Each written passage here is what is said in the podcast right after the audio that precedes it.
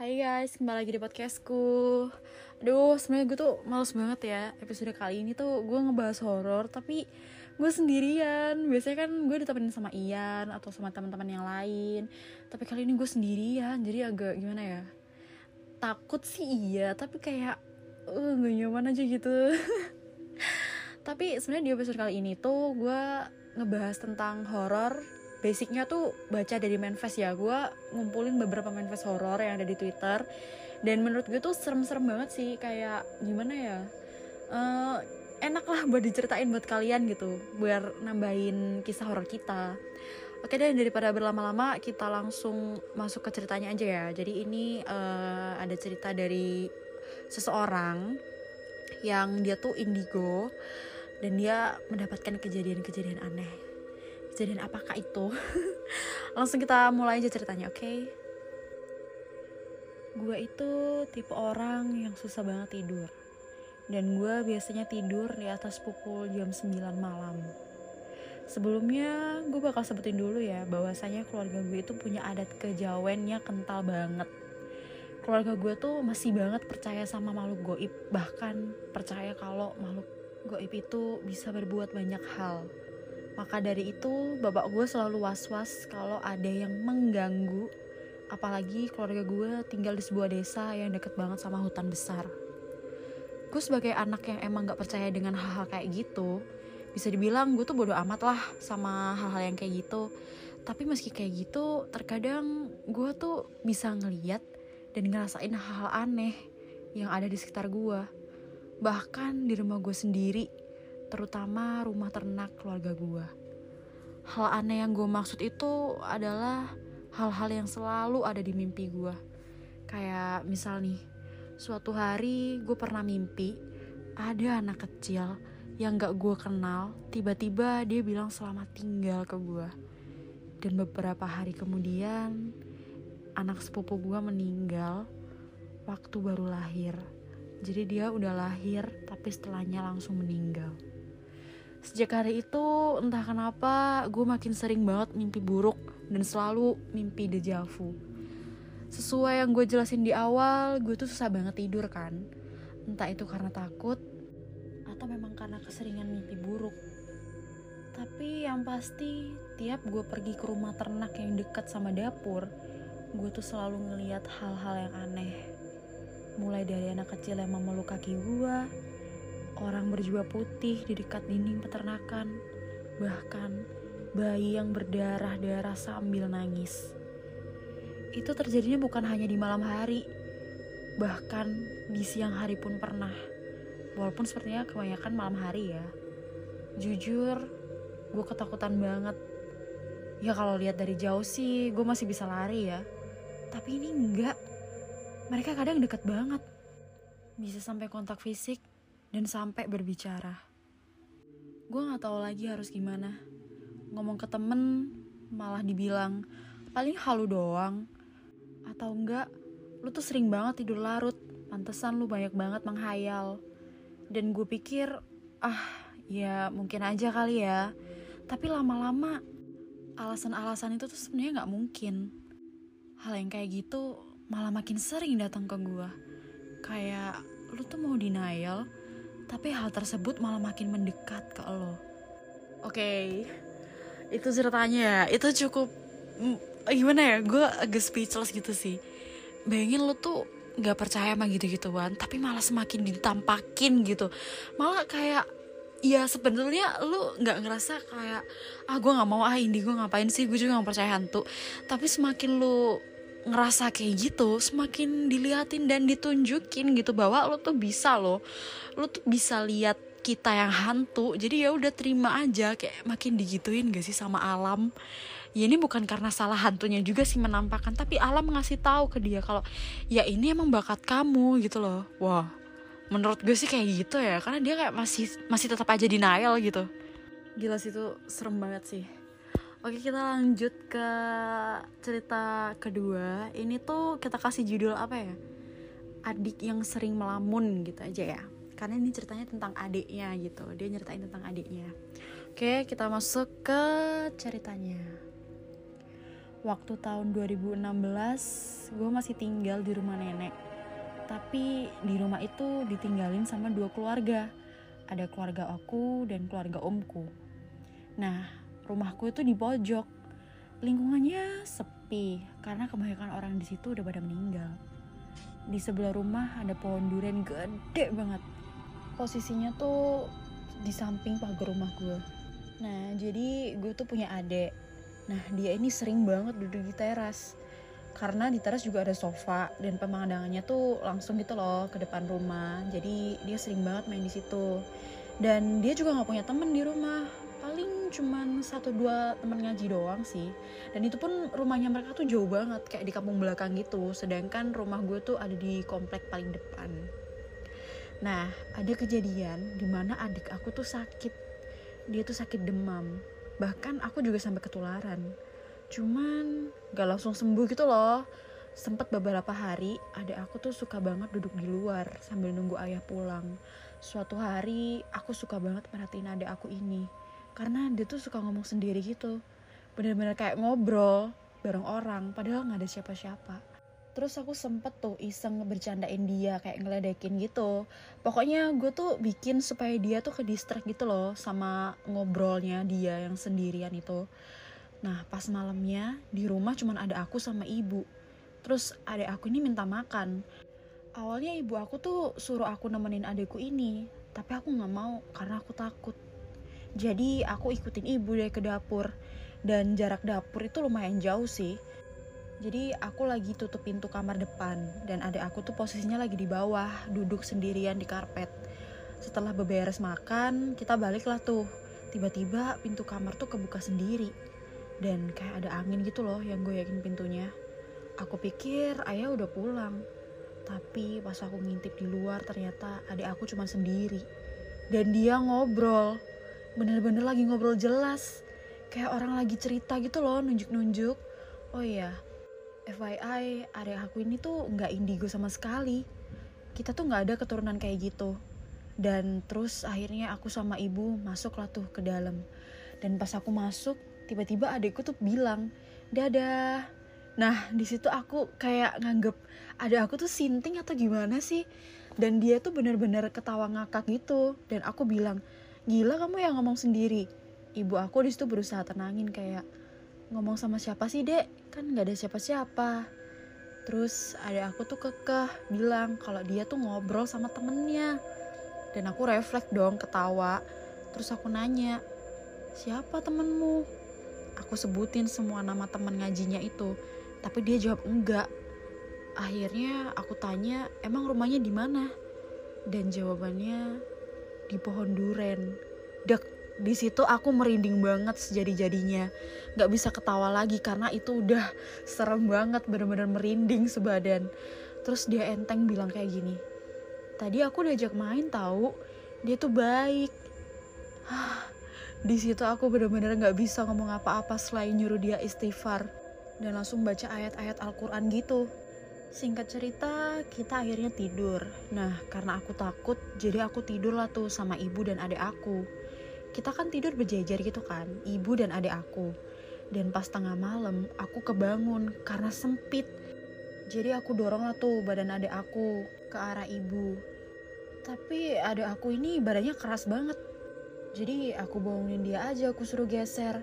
Nah pas kepala dia nengok, tiba-tiba muka dia tuh berubah jadi serem banget dan ngeluarin suara aneh. Kayak suara desisan gitu kayak Aku di situ kaget dan teriak. Ibu langsung bangun dan usap kepala adik aku sambil baca ayat kursi. Malam itu aku dan adik aku bener-bener rewel banget karena aku nyoba merem saking takutnya. Kebesokannya aku beraniin diri nanya ke adik aku siapa sosok yang selama ini suka ngobrol sama dia. Terus adik aku jelasin, katanya namanya Neneng. Anak perempuan, pakai dress dan emang katanya udah lama tinggal di pohon durian itu. Karena itu udah semakin ganggu aku tanya lah tuh ke omku yang bisa. Karena dia emang gak pernah pindah dari rumah ini kan. Dan om aku bilang dulu waktu dia kerja setiap malam dia tuh suka nggak sengaja gitu lihat anak kecil di depan pohon durian itu. Anak kecil itu pakai baju warna biru karena aku belum tahu ciri-ciri baju yang adik aku lihat itu seperti apa aku tanya deh ke adik aku emang dia pakai baju warna apa? Dan adik aku jawab warna biru. Lucu deh. Hah? Anjir. Dari situ aku dan ibu selalu nyalain murotal setiap pagi. Singkat cerita aku masih penasaran sama sosok neneng ini. Aku tanya lagi lah ke adikku. Dan dia bilang dia itu awalnya baik sih kak tapi kalau aku lagi tidur, dia tuh selalu ngajak main dan suka ngajak aku terbang. Aku nggak mau kak, aku takut. Terus mukanya berubah jadi serem gitu, berdarah-darah. Kata adik aku kayak gitu. Anjir di situ ngeri banget. Akhirnya ibu nggak ngebolehin dia duduk di teras lagi kalau lagi sendirian. Dan akhirnya kita memutuskan untuk pindah rumah. Dan alhamdulillah sekarang pohon durainya tuh udah ditebang guys dan setelah aku pindah dari situ, adik aku udah gak pernah tuh ngeliat atau ngobrol dengan yang aneh-aneh lagi. Sekian. Wah. Ini bener-bener kayak gimana ya? Emang ya anak kecil tuh kan masih fresh ya, masih mata batinnya tuh masih bisa ngelihat hal-hal yang tak kasat mata ya. Jadi buat kita orang dewasa kalau anak kecil udah ngomong jujur, maksudnya udah ngomong apa yang dia lihat, kita yang dewasa tuh jadi kayak oh yang bener kamu. Soalnya kan kita udah nggak bisa lihat ya. Jadi kayak kita nih dikibulin atau gimana sih? Di sisi lain anak kecil kan halusinasinya itu masih masih apa ya masih aneh gitu kan. Jadi bisa aja dia tuh cuman halusinasi aja. Tapi kadang-kadang juga apa yang dilihat anak kecil tuh emang beneran ada. Cuman emang kita yang dewasa aja nggak bisa ngeliat gitu. Tapi takut banget loh kalau misalkan ada anak kecil bilang kayak gitu ke kita. Aduh dan emang ya kita tuh emang harus banget jaga adik-adik kita supaya jauh dari apa ya kayak ya itu sih pohon itu emang sangat amat dihindari ya. Pohon sama uh, kayak deket-deket hutan gitu emang sangat dihindari buat anak kecil. Karena ya emang di situ tempatnya mereka buat ngumpul kan. Bahkan kan itu rumahnya mereka. Jadi kalau misalkan kita lalai. Ya bisa jadi kayak gini juga. Bisa sakit demam terus sering diajak ngobrol sama hantu. Ntar kitanya juga kan yang ribet. Jadi kayak ya kalau cari rumah lebih kalau bisa ya di tengah kota lah. Kalau enggak di perkampungan gitu lebih baik. Kalau misalkan di komplek gini apalagi di ujung deket hutan-hutan ya itu akan rawan kayak gituan sih. Ya terlebih kalau misalkan hutannya aman masih oke. Okay. kalau kayak gitu masih asri kayak gitu kan jadi kitanya juga jadi takut gitu ya. Mau gimana lagi? Soalnya kan itu kan rumah mereka juga gitu. Ini serem-serem banget ya pengalaman orang-orang. Aduh jadi makin jiper nih. Gue mau bacain cerita selanjutnya. Ini ada cerita tapi nggak terlalu panjang kayak tadi. Ini tuh cerita pendek-pendek aja. Tapi ini lumayan serem sih menurut aku. Karena wah gila walaupun ini cerita pendek tapi kisahnya kayak bikin merinding juga nih. Yaudah kita langsung aja masuk ke ceritanya ini sebenarnya pengalaman dari cerita bapak aku. Jadi dulu bapak aku tuh waktu kelas 6 SD dia lagi belajar lah tuh tengah malam di ruang tamu. Terus dia kebelet pipis. Pas berdiri dia ngedenger kayak ada suara buah kelapa jatuh gitu dari pohon. Dak. Namanya penasaran ya dia keluar lah tuh nyari sumber suaranya. Tapi pas dia keluar itu sunyi sih nggak ada apa-apa tahu taunya ada yang ngegelinding ke tembok jendela dan bapak aku tuh lihat kayak ada rambut pakai konde yang ngegelinding ke arah kaki bapak aku. Dan di situ bapak aku langsung lari ke kamar ibu alias nenek aku. Besoknya dia ceritain lah tuh cerita itu ke kakek aku dan dia dimarahin. Kata kakek aku, dia bilang kenapa nggak bangunin dia aja? Karena itu tuh ilmu, tapi aku nggak tahu ya itu ilmu apa. Karena ilmu itu bisa dimasukin ke keris mbah aku itu. Karena emang di zaman dulu itu masih banyak banget orang-orang yang ilmu. Jadi um, mbah aku dulu juga sering ngoleksi ilmu dan bisa dimasukkan ke dalam keris kayak gitu. Sekian. Oke agak serem ya kalau misalkan ilmu sih agak aneh kalau misalkan dalam bentuk kepala yang ngegelinding gitu. Jatuhnya kayak ini gak sih? Hantu kepala gelinding gitu. Bukan kayak ilmu tapi ya kalau misalkan kepala gelinding tuh ya itu rupanya kayak kepala biasa gitu kan. Tapi ini tuh kayak bentuk rambut yang dikonde gitu loh anjir itu serem sih. Gila tapi juga sereman itu sih kepala langsung sih. Tapi juga serem sih kalau rambut ada kondenya terus ngegelinding kayak apalagi suaranya tuh kayak jatuh dari pohon gitu. Yang kita bisa pikir kayak oh mungkin buah oh mungkin burung atau apa. Tapi kita lihat kayak kepala yang ada kondenya gitu ya uh, gila serem banget sih itu Oke, kita lanjut ke cerita selanjutnya. Ini cerita dari nyokap gue, karena nyokap gue tuh sensitif sama makhluk halus. Jadi pas waktu orang rumah udah ber tidur, nyokap gue tuh kebangun kan. Pas baru buka mata, pelan-pelan beliau ngeliat ada orang dari bentuk badan seluruhnya tuh mirip bokap gue. Tapi wajahnya kayak hancur gitu dan penuh bopeng-bopeng di wajahnya. Dan ini tuh kejadian gak cuma sekali, karena udah berkali-kali nyokap gue tuh ngeliat orang yang mirip banget sama bokap gue. Almarhum nenek gue juga, beliau juga pernah sekali ngelihat di teras rumahnya itu ada bokap gue lagi duduk-duduk. Padahal bokap gue tuh masih di Jatim. Sedangkan almarhum nenek gue itu lagi ada di Jateng. Dan itu sering banget terjadi di rumah beliau. Ada lagi nih dari nyokap. Nyokap gue tuh cerita dia tuh lagi VC sama bokap gue karena bokap gue tuh lagi dinas gitu kan malam-malam nah pas lagi video call nggak sengaja nyokap gue tuh ketekan gitu loh ke kamera belakang dan di situ dia ngeliat ada sesosok cowok mukanya serem banget dekat pintu dapur dan gue pas diceritain ini posisinya tuh gue juga lagi duduk di deket pintu dapur langsung di situ hawanya jadi nggak enak dan gue juga sering sih ngalamin hal-hal kayak gitu waktu sendirian di rumah. Gue waktu itu lagi dapet dan gue cuman duduk pas lagi azan maghrib. Tiba-tiba ada suara yang mirip adik gue, suaranya halus banget deket dapur, manggilnya kak. Gue di situ langsung lari duduk di depan rumah dan nenangin diri karena gue shock banget dengan keadaan itu. Oke, okay, kali ini cerita dari adik gue. Dulu waktu 2017, gue dan keluarga terpaksa ngontrak soalnya rumah di asrama tuh secara serentak mau direnovasi kan. Dan di kontrakan gue ini tuh kamar mandinya tuh di depan. Deket banget tempat jemuran dan itu tempatnya gelap banget. Dan waktu itu adik gue tuh lagi dimandiin gitu sama nyokap. Lagi disabun lah tuh adik gue tuh nangis. Gak tahu dia nangis kenapa. Waktu dia ditanya, kamu nangis kenapa deh gitu dan dia bilang katanya ada muka senyum ngeri gitu ada di tangga dan ngelihatin ke arah gue dan di situ gue merinding banget karena yang bilang itu adik gue jadi adik gue tuh ngeliat ada sosok mukanya senyum ngeri natap ke arah gue dan gak cuman itu aja gue juga pernah ngerasain sesuatu di kontrakan itu. Gue kan habis nonton sinetron. Dan pas gue mau ke kamar mau tidur gue kan mau merem.